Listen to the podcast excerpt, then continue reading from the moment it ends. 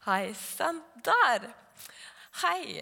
Veldig fint å være her sammen med dere. Og ikke minst, jeg også må bare få si, for en fest å få være med på deres dåp. Gratulerer med dagen. Og gratulerer til dere som er en kirke hvor mennesker døper seg. Det er jo virkelig, det kan du glede deg over. Det skjer ikke overalt. Jeg eh, har vært her før. Jeg har vokst opp her. Noen av dere kjenner jeg godt, og andre Heldigvis er det folk som ikke jeg kjenner òg. Det hadde vært veldig trist hvis det bare var de samme folka her som det var da jeg flytta for ni år siden. Jeg bor i Bergen. Det har jeg gjort en stund nå. Jeg har fortsatt en mann som heter Bjørnar. Nå har jeg også en sønn som heter Gabriel, og han er ett år. Det er en stor glede. Så merker jeg at jeg har litt mer og mer hes. Jeg prøvde ikke å synge så mye, men jeg tror at stemmen min skal holde ut den talen. Dere, får, eh, dere lovsangstime får bare der borte. Så går det. Det var mye fire eh, på den gjengen der. Den teksten som jeg skal ta utgangspunkt i i dag, er i Johannes 21. Og der møter vi Jesus på stranda.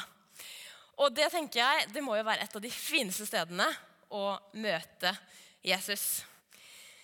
Det er etter at Jesus eh, døde og sto opp igjen.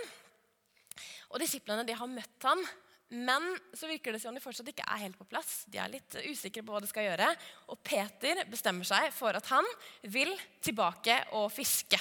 Det var det han drev med før han begynte å følge Jesus. Og så er det en gjeng som sier, 'Ja, ja, vi blir med deg'. Og de fisker hele natta og får ingen fisk. Så ser de inne på stranda at det står en mann der som roper Sleng ut garnet på den andre siden av båten. Og det er jo et råd som ikke gir så veldig mye mening sånn fiske, fiskemessig, uten at jeg er en ekspert på fisking. Men så gir det rådet likevel mening fordi de har hørt det før. Jesus har sagt akkurat dette de tidligere, og det gjør at Johannes, disippelen som Jesus hadde kjær, tenker det er faktisk Jesus som står der inne. Og Peter, en annen av disiplene, han kaster seg ut av båten, svømmer for å komme først inn til Jesus. Han kan ikke vente. Og der står Jesus og sier, 'Kom og få mat. Ta med dere litt av fisken.' Så har han gjort klart et måltid og et bål. Og jeg bare ser for meg, Det må være en av de fineste scenene i Bibelen. Se for dere en morgen, sjøen, soloppgang, et bål, og så får du sitte der og spise frokost med Jesus etter en slitsom natt. Men så er det bare det at den eh, idyllen varer ikke så veldig lenge. Fordi samtalen tar en litt sånn ubehagelig retning for Peter. For den natta som Jesus døde, så svikta Peter Jesus totalt. Han sa tre ganger at han ikke kjente Jesus. Selv om han tidligere på kvelden hadde lovet at jeg, Jesus, jeg kommer ikke til å svikte deg. Og i Johannes 21, 15 så står det Da de var ferdig med måltidet, så sier Jesus til Simon Peter. Simon, sønn av Johannes, elsker du meg? Mer enn disse. Og han svarte, Ja, Herre, vet, du vet at jeg har deg kjær. Og Jesus sier til ham, Fø lammene mine. Og Jesus han spør ikke bare én gang om Peter elsker han. Han spør tre ganger. Og kanskje gir han muligheten til Peter for å erklære sin kjærlighet til Jesus tre ganger for å gjøre opp for de tre gangene han svikta. Så jeg at jeg fikk litt påfyll der nå. Tusen takk. Da skal vi klare dette. Ikke nok med at Jesus på en måte ripper litt opp i den kvelden som Peter sikkert har sittet og hatt en sånn kjip magefølelse på en stund. Men Jesus han har mer på hjertet. Han har et oppdrag, og han har et litt dystert frempek til Peters framtid. Jesus sier, 'Fø lammene mine, vær gjeter for sauene mine, og fø sauene mine'. Og så sier han noen kryptiske ord fra vers 18. Sannelig, sannelig, jeg sier deg. Da du var ung, så bandt du beltet om deg og gikk dit du selv ville. Men når du blir gammel, skal du strekke ut hendene dine, og en annen skal binde beltet om deg og føre deg dit du ikke vil. Dette sa han for å gi til kjenne hva slags død han skulle ære Gud med. Og da han hadde sagt dette, sa han til Peter, 'Følg meg'. Og det er jo litt rare ord, dette beltet og binde hendene og sånn, men det var et bilde på å bli korsfesta. Og vi vet ikke helt eh, altså I Bibelen står det ikke hvordan Peter døde, men andre kilder fra den tiden sier at Peter faktisk ble korsfesta. Jesus sier, 'Vær en gjeter, gi livet ditt for flokken', bokstavelig talt. Og du vil også, jeg ber deg, følg meg, men du skal dessverre få en smertefull død. Og når han har sagt alt dette, sa han, 'Følg meg'. Og det første Peter sier, er Hva med Johannes? Hva, hva skjer med Johannes? Skjer det med meg, det samme med meg og han? Det er mye å ta inn over seg en natt hvor du ikke har sovet i det hele tatt, ikke fått noe fisk, et livsoppdrag og et frempek til hvordan du skal dø. Og Gjennom Johannes-evangeliet så ser vi en slags sånn rar konkurranse mellom Johannes og Peter. Vi ser at begge de to er folk som er tett på Jesus. Men f.eks. når de skal til graven, så får vi vite at de begge to løper mot graven. Men det understrekes at det ikke er Peter, men den andre disippelen som kom først. Litt sånn rar detalj. Og det kan hende Peter tenkte sånn det med Ja, skal, jeg skal bli korsfesta. Er, er, det sånn alle disiplene er med på dette prosjektet her nå? Eller kanskje han tenkte at wow, tenk for en ære at jeg skal få dø på samme måte som Jesus. Er det en ære som Johannes også skal få?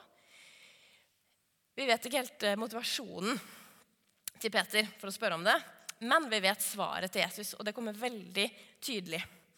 I vers 22 så sier Jesus.: Om jeg vil at han skal leve til jeg kommer. Hva angår det deg? Følg du meg. Hva angår det deg? Følg du meg. Det er viktige ord. Og De neste minuttene så vil jeg at du skal få med deg to ting. Det første er ikke bry deg om de andre. Og det andre er bry deg om de andre. Så la meg først gå til ikke bry deg om de andre. Fordi Peter han hadde fått sitt oppdrag, og han hadde også fått et frempek mot sin død. Ja, og det, Hans neste respons er hva med Johannes? Hva skjer med han? Om jeg vil at han skal leve til jeg kommer, hva angår det deg? Følg du meg? Og det blir faktisk utdypet. For det kan hende det ble noen misforståelser i etterkant. etter at Jesus hadde sagt Det Det står, det betydde ikke at Johannes faktisk skulle leve helt til Jesus kom. Poenget var hva hvis prikk, prikk, prikk med Johannes? Hva angår det deg? Følg du meg. Du har fått ditt oppdrag og en tydelig invitasjon. Følg meg, Peter. Vi mennesker vi er ulike, men jeg tror at det er de færreste av oss som kommer unna det med å sammenligne oss med andre. Det kryper liksom inn på ulike måter. Eh, vi vil gjerne ha samme behandling. Vi vil ha det vi ser på som rettferdighet. Vi vil at det skal være likt, at det skal være rettferdig. Og lenge så trodde jeg at voksne ikke var usikre på seg selv. Eh, når jeg var ungdom, så tenkte jeg liksom at det var sånn det er sånn som man driver med på ungdomsskolen. Å være litt usikker og sammenligne seg. Og dessverre så har jeg både kjent i mitt eget liv og sett i andre sitt liv at det er ikke sånn at man bare vokser av seg usikkerhet. Det er så lett at det sniker seg inn tanker om at man kanskje både er bedre og dårligere enn de rundt seg. Til og med i vår etterfølgelse av Jesus. Og som på alle andre områder i livet så er det et tapsprosjekt å sammenligne seg med andre. For det gjør nemlig at alle taper. Kanskje du har noen som du lett kan sammenligne deg med i ditt trosliv. Kanskje du tenker at det er noen som leser i Bibelen så mye mer enn deg. Hvordan får de det til? Eller noen som har et helt fantastisk vitnesbyrd om hvordan livet ble snudd på hodet av Jesus, mens ditt liv har liksom vært sånn stabilt, helt greit hele tiden. Kunne du ikke bare hatt det litt forferdelig først, og så fått det helt fantastisk, så hadde sikkert alle du fortalte historien din til, tatt imot Jesus. Eller kanskje det er noen som har leda mange til Jesus. Eller kanskje det er noen som har fantastiske familieandakter med barna sine. Eller kanskje det er noen som kan så lite om Bibelen at når du snakker med de, så tenker du hm, jeg er jo faktisk ganske god på disse bibelgreiene. Eller hvorfor får de svar på bønnene sine, og så gjør ikke jeg det? Hva angår det deg? Følg du meg. Ikke bry deg så mye om de andre. Etter videregående så gikk jeg på DTS, en bibelskole. og En av de største tingene som jeg tok med meg derfra, var en på en måte personlig åpenbaring rundt det å sammenligne meg med andre. Hvor mye det faktisk binder oss. Hvor mye det hindrer oss i relasjoner. Det hindrer oss i å bruke de gavene som vi har, og være de personene som vi er skapt til å være. Og nå for tiden så prøver jeg å være pastor. Jeg jobber i Salt, har en for trosopplæring der. Og sammen med min mann også gi troen videre til min sønn Gabriel på ett år. Foreløpig vet jeg ikke så mye om hva han tror på. Men jeg ber i hvert fall får han noe med, med han. Prøver å synge bordvers, men sikkert halvparten av gangene så synger jeg sånn halvveis ut i maten, fordi det er så kaos og stress når vi skal begynne å spise. Og vi leser jo i barnebibel, men han syns eh, egentlig tassen på bondegården er litt mer spennende. Foreløpig. Så det er lett på forskjellige steder i livet vårt å se på andre og tenke at de får det litt bedre til. Eller jeg får det litt bedre til enn de andre. Ingen av de tingene er sunt for oss, og ingen av de tingene er sant. Og vi er kalt først og fremst til å ha en relasjon til Jesus og bli mer og mer lik på Jesus ikke bli mer og mer lik på de vi sitter ved siden av. Sant? Og Jesus og Det betyr ikke at ikke vi ikke kan glede oss over å bli inspirert av hverandres vitnesbyrd. Og se på de som døper seg, og ja, virkelig glede oss over andres historie og andres trosreise og vandring. Men du har også din egen reise sammen med Jesus. Du kan fortsatt vokse i, ditt, i din relasjon til Jesus. Du har dine erfaringer, din personlighet, dine styrker, dine svakheter og alt det der fått plass hos Jesus. Og det er heller ikke sånn at vi alle bare kan leve kristenlivet på den måten som vi syns er fint. Vi har faktisk fått en rettesnor, vi har faktisk fått Bibelen å leve etter. Men du har fått Bibelen. Du kan lese Bibelen selv. Den kan tale til deg. Gud kan lede deg når du leser i Bibelen. Du kan bli bedre kjent med Gud. Og Peter, som på dette tidspunktet kanskje sammenligna seg litt med Johannes, lurte på hva som skulle skje med han. Han skriver senere i sitt brev i 1. Peter 2. Legg derfor bort all ondskap, falskhet, hykleri, misunnelse og sladder. Og lengt som nyfødte barn etter ordets rene melk, så dere ved den kan vokse til frelse. For dere har smakt at Herren er god. Legg bort all falskhet, all misunnelse. Det at vi har fått kjent, bli kjent med Gud, at vi har erfart ham, det må gjøre noe med hvordan vi både ser på oss selv, og hvordan vi ser på andre. Så ikke bry deg så veldig om de andre. Det leder meg til neste punkt, som er bry deg om de andre. For som disipler så er vi enkeltmennesker. Vi tar egne valg for våre liv, men vi tilhører jo også en større flokk. Og Det er jo også et veldig fint aspekt ved dåpen. At man lar seg døpe på sin egen tro og bekjennelse, men så blir man lagt til menigheten. Man blir ikke døpt for å eh, stå alene og både med gledene og utfordringene som vi kommer og møter i troslivet, men vi har fått menigheten i gave. Og Teologen Tim Keller han skriver om det i boken sin 'Gud?' spørsmålstegn. Å bli kristen har alltid hatt to sider. En individuell side og en fellesskapsside.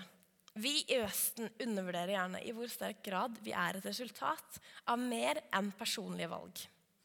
Vi er nemlig også et resultat av vår familie, gruppe, samfunn og kultur.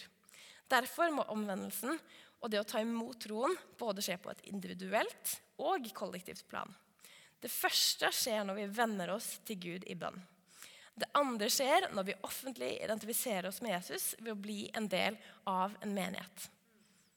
Det er kjempeviktig at du er her i dag.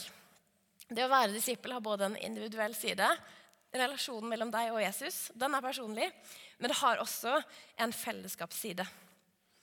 Jesus spør jo om Peter elsker han tre ganger. Men så kommer han også med en annen oppfordring og et oppdrag tre ganger. Fø lammene mine, vær gjeter for sauene mine, og fø sauene mine. Jesus han kaller Peter til å følge ham, men ha omsorg for flokken og se de andre. Og Peter får en spesiell rolle i den første kirken. Han viser sin kjærlighet og hengivenhet til Jesus ved å også gi seg selv for flokken. Og Senere så skriver også Peter i det samme brevet, 1. Peter, vers 1-22, ved å lyde sannheten har dere renset sjelen, så dere kan leve i oppriktig søskenkjærlighet. Elsk hverandre av et inderlig Elsk hverandre inderlig av et rent hjerte. Og det er en stor oppfordring. For vi møtes i kirka på tvers av generasjoner, på tvers av bakgrunn, etnisitet, kjønn. Mange forskjellige mennesker. Det er jo, sånn, det, er det nydelige med menigheten. Eh, og også det utfordrende med menigheten. At vi er en gjeng av forskjellige folk som har én ting til felles hovedsakelig, og det er at vi følger Jesus. Og alle de andre tingene de må liksom bare sortere seg etter det. Og så sier Peter, elsk hverandre inderlig av et rent hjerte. Tidligere i Johannes så har Jesus snakket om at han selv er den gode hyrden. Og han har malt et bilde av den rollen. Den gode hyrden gir livet sitt for sauene. Den er villig til å ofre noe av sitt eget. Setter de andre foran seg selv. Den gode hyrden blir med sauene når utfordringene kommer. Han svikter ikke når det blir vanskelig. Og han har en nær relasjon til sauene. Jesus sier at de kjenner stemmen min, og jeg kjenner dem. Jesus han er den gode hyrden med store, store bokstaver. Men vi er også kalt til å ikke bare være en saueflokk, men jeg mener at vi også er kalt til å være en del av en gjeterflokk. Vi tror på det allmenne presteskapet. At vi alle har noe å gi. At vi alle kan dele troen vår. At vi alle kan gå ved siden av noen andre og være sammen med de i deres trosreise. Og Det kan se ut på mange forskjellige måter. og Vi er i ulike sesonger av livet. Vi har ulik kapasitet. Kanskje er det at du er smågruppeleder for en gjeng. Kanskje er det at du har en samtale med en kollega eller noen på studiet ditt. Kanskje er det som eh, ble nevnt tidligere, at man møtes hjemme og snakker om disippelskap. For for en fantastisk eh, ting det dere holder på med, og det som skjer blant ungdommene her. virkelig. Kanskje er du engasjert i arbeidet for barn eller ungdom. Eller kanskje har du barn eller ungdom eller barnebarn selv. Da er det en fantastisk anledning til å gi videre troen. Og en sunn kirke som har blitt noen år, har jo mange forskjellige mennesker. Mennesker fra ulike generasjoner. Mennesker med og uten barn, mennesker med og uten en partner. Og det er fint og naturlig at vi har noen arbeid som retter seg mot ulike grupper. Som kan se de behovene og de mulighetene som ligger hos spesielle grupper. F.eks. For, for barn. At vi har barnekirke som tilpasser seg, som snakker på en måte som barn forstår. Men det er også en fare at vi blir altfor oppdelt. At vi blir for opptatt av hva er, det, hva er det min gruppe, hva er det jeg liker, hva er det jeg vil ha. Vi jobber på en sånn lignende måte i SALT også. Vi kaller det for livsfaser og har på en måte ulike arbeid for ulike aldre og sesonger av livet. Og Jeg har veldig tro på det, men jeg tror også det er en mangelfull måte å jobbe på hvis resultatet blir at vi blir i siloer, ikke blir kjent med hverandre, at vi ikke bygger relasjoner på tvers. Derfor er det jo veldig fint og viktig at vi samles til gudstjeneste. Vi trenger hverandre, vi trenger å se hverandre, trenger å bli kjent med hverandre. Og det er selvsagt for oss at barn trenger voksne å bli, for å passe på dem og lære dem opp. Men voksne trenger også voksne trenger barn kanskje, til å lære dem noe om Gud. Jesus bruker ofte barn som et eksempel Eh, til etterfølgelse når det kommer til tro. Eh, og voksne og unge voksne trenger også noen å gå etter. Noen som har kanskje stått i noen kamper før, noen som har litt flere erfaringer i livet. Og vi trenger hverandre på tvers av de skillelinjene som vi noen gang kan sette opp. Og så kan man jo selvfølgelig systematisere det. Jeg kunne jo foreslått for at alle, altså skulle lage en sånn, Nå skal alle invitere noen de ikke kjenner på middag, og jeg skal lage et Excel-skjema. Et dokument som eh, blander sammen alt. Og det hadde vært slitsomt for meg. Så derfor så vil jeg heller oppfordre dere og oss til å leve liv som strekker seg Både inn i den fasen som du er av livet, men også ut av den. Så til slutt tre oppfordringer til å bry deg om andre. Bry deg om de som er rundt deg. De som er litt like på deg. Jeg har lyst til å utfordre deg til å tenke at uh, I den sesongen som du er av livet, så kan du være med og gjøre dette til en fantastisk kirke å gå i. Om det er at du er ungdom, eller om det er at du er eldre. Du er viktig. Du kan velge å bruke tid og energi på mennesker. Bidra til den fasen som du er i. Bli med i en smågruppe og investere i den. Tenk at Når du kommer både på gudstjeneste eller på andre ting, så har det betydning ikke bare for deg. Det er ikke bare viktig for deg at du er her i dag, men det er viktig for oss at du er her i dag. Det blir ikke et fellesskap hvis det bare kommer en person. Vi trenger hverandre for at det skal være et fellesskap. Det kan være at du legger til rette for at dine barn blir kjent med andre barn i kirka at du er en sosial arkitekt og tenker at vi må gå på tur sammen med de der, eller vi inviterer de i bursdag, vi inviterer de på middag. Sant? Trosfellesskapet har en viktig rolle både i Det nye og Det gamle testamentet. Det er viktig for oss, og det er godt og naturlig å stå sammen. Det andre bry deg om de som kommer etter deg. Det finnes folk i denne kirken som er yngre enn deg. Det er sant for alle dere som klarer å følge med. Og det finnes Eh, også folk i kirken som er nyere i tro enn deg. Og det å ikke definere deg ut av det der, men tenke at jeg har faktisk noe som jeg kan gi videre til noen. Dele liv, dele tro, bygge relasjoner. Og det å bygge sammen en kirke hvor troen kan mones gjennom hele livet, at man kan ha en barnetro, en ungdomstro, en voksen voksentro, en studenttro, en uh, tro når man er gammel. At det ikke det er på en måte veldig fint når folk sier at de har en barnetro når de er voksne. Men det hadde vært enda finere hvis de sa at de hadde en moden og voksen tro når de var voksne. Og sammen så kan vi bygge et sånt fellesskap hvor vi alle sammen kan få vokse i tro.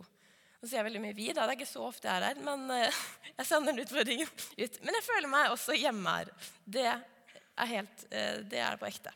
Og et eh, et av de fineste eksemplene egentlig på å forstå på tvers av generasjoner har jeg opplevd her i evangeliet. Da jeg gikk på videregående, så fikk jeg gleden av å være smågruppeleder for noen jenter som gikk på ungdomsskolen. De var fire år yngre enn meg. Men samtidig så møttes vi ikke hjemme hos meg, men vi møttes hjemme hos Ellen og Oddvar, som var i besteforeldregenerasjonen. Og det var så koselig. Og hver annenhver uke så kom vi hjem til de. De hadde lagd vafler.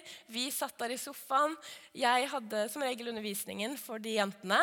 Men de stilte spørsmål, og jeg kunne være trygg på at hvis ikke jeg kunne svare på det, så kunne helt sikkert Ellen eller Oddvar eh, dele noe av sine erfaringer fra livet. Og det betydde så mye for meg å få snakke med dem og få bli, ha tryggheten av å ikke stå der alene som en 17-åring med ansvar for de jentene på ungdomsskolen, men jeg sto sammen med noen som gikk foran, som hadde gått lengre i troslivet enn meg.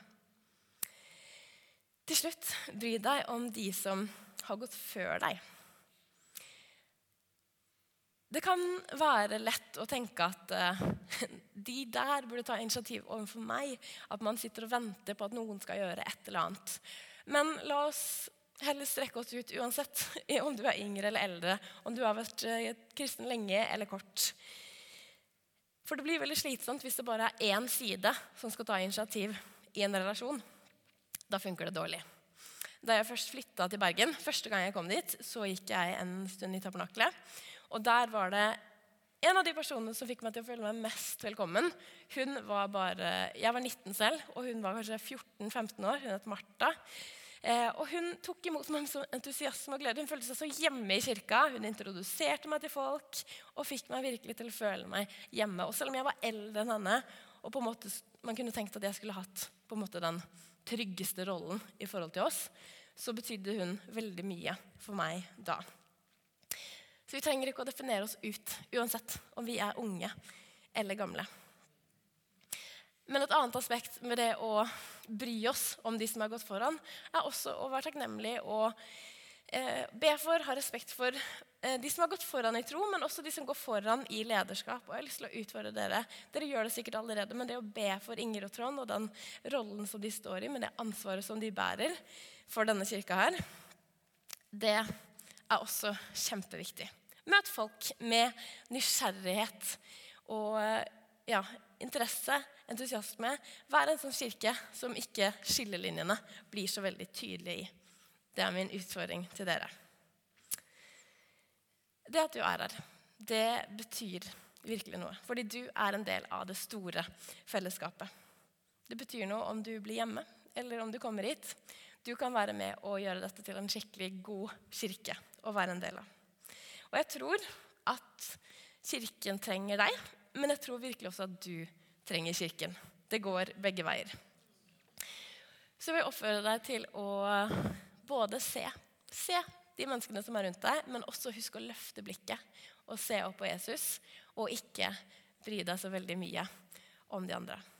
Så bry deg. Ikke bry deg om de andre, men bry deg om de andre. Det var det jeg hadde lyst til å dele med dere i dag. Jeg vil be en bønn til slutt. Kan ikke dere reise dere opp? Så kan lovsangsteamet komme opp. Gjerne, Hvis du tenker at noe av dette som jeg har snakket om, eh, traff deg på en eller annen måte, om du har blitt inspirert eller utfordra, så kan du godt eh, legge en hånd på hjertet ditt, strekke ut en hånd for å si eh, jeg, jeg vil ta imot den bønnen jeg vil bli bedt for nå. Jesus, vi takker deg for at vi er kalt og invitert til å følge deg. Uansett hvem vi er, uansett vår historie, våre styrker, svakheter, hva vi tenker om oss selv, så sier du 'følg meg'. Hva angår det deg, det som skjer med de rundt deg? Følg du meg. Takk for den personlige invitasjonen som gjelder hver eneste person i dette rommet. Jeg ber om at den sannheten skal bare synke enda mer inn hos alle. Takk for at vi får kjenne deg, og at du har gode tanker og planer for hver persons liv. Og så ber jeg deg om at du skal hjelpe oss å være sånne mennesker som bryr oss om de rundt oss. At vi tør å gå utenfor komfortsonen, at vi tør å se litt ekstra etter, stoppe litt ekstra lenge, ha samtaler med folk som vi ikke kjenner. Jeg ber om at de kunstige skillelinjene som vi kan trekke opp, at de skal smuldre, smuldre opp i ditt navn, Jesus. Og at uh, Jeg ber deg for hele den flokken her, og de som ikke er her i dag, men som egentlig tilhører. Takk for den fantastiske gjengen og alle de gode tankene som du har for dem, og for de som enda ikke er her ber om at det skal være en kirke som det er godt å komme inn i. Uansett hvor i livet du er, så er det noen her som både er lik de, men også mange mennesker som er ulik de, men som bryr seg, og som tar de godt imot. Takk, Jesus, at vi får være din flokk. At du kjenner oss, at du elsker oss. Amen. Nå skal vi synge litt sammen, og så blir det mulighet til å bli bedt for på den siden her, sammen med dåpskandidatene som også skal bli bedt for. Så hvis du ønsker det, så gjerne ta turen bort til den siden.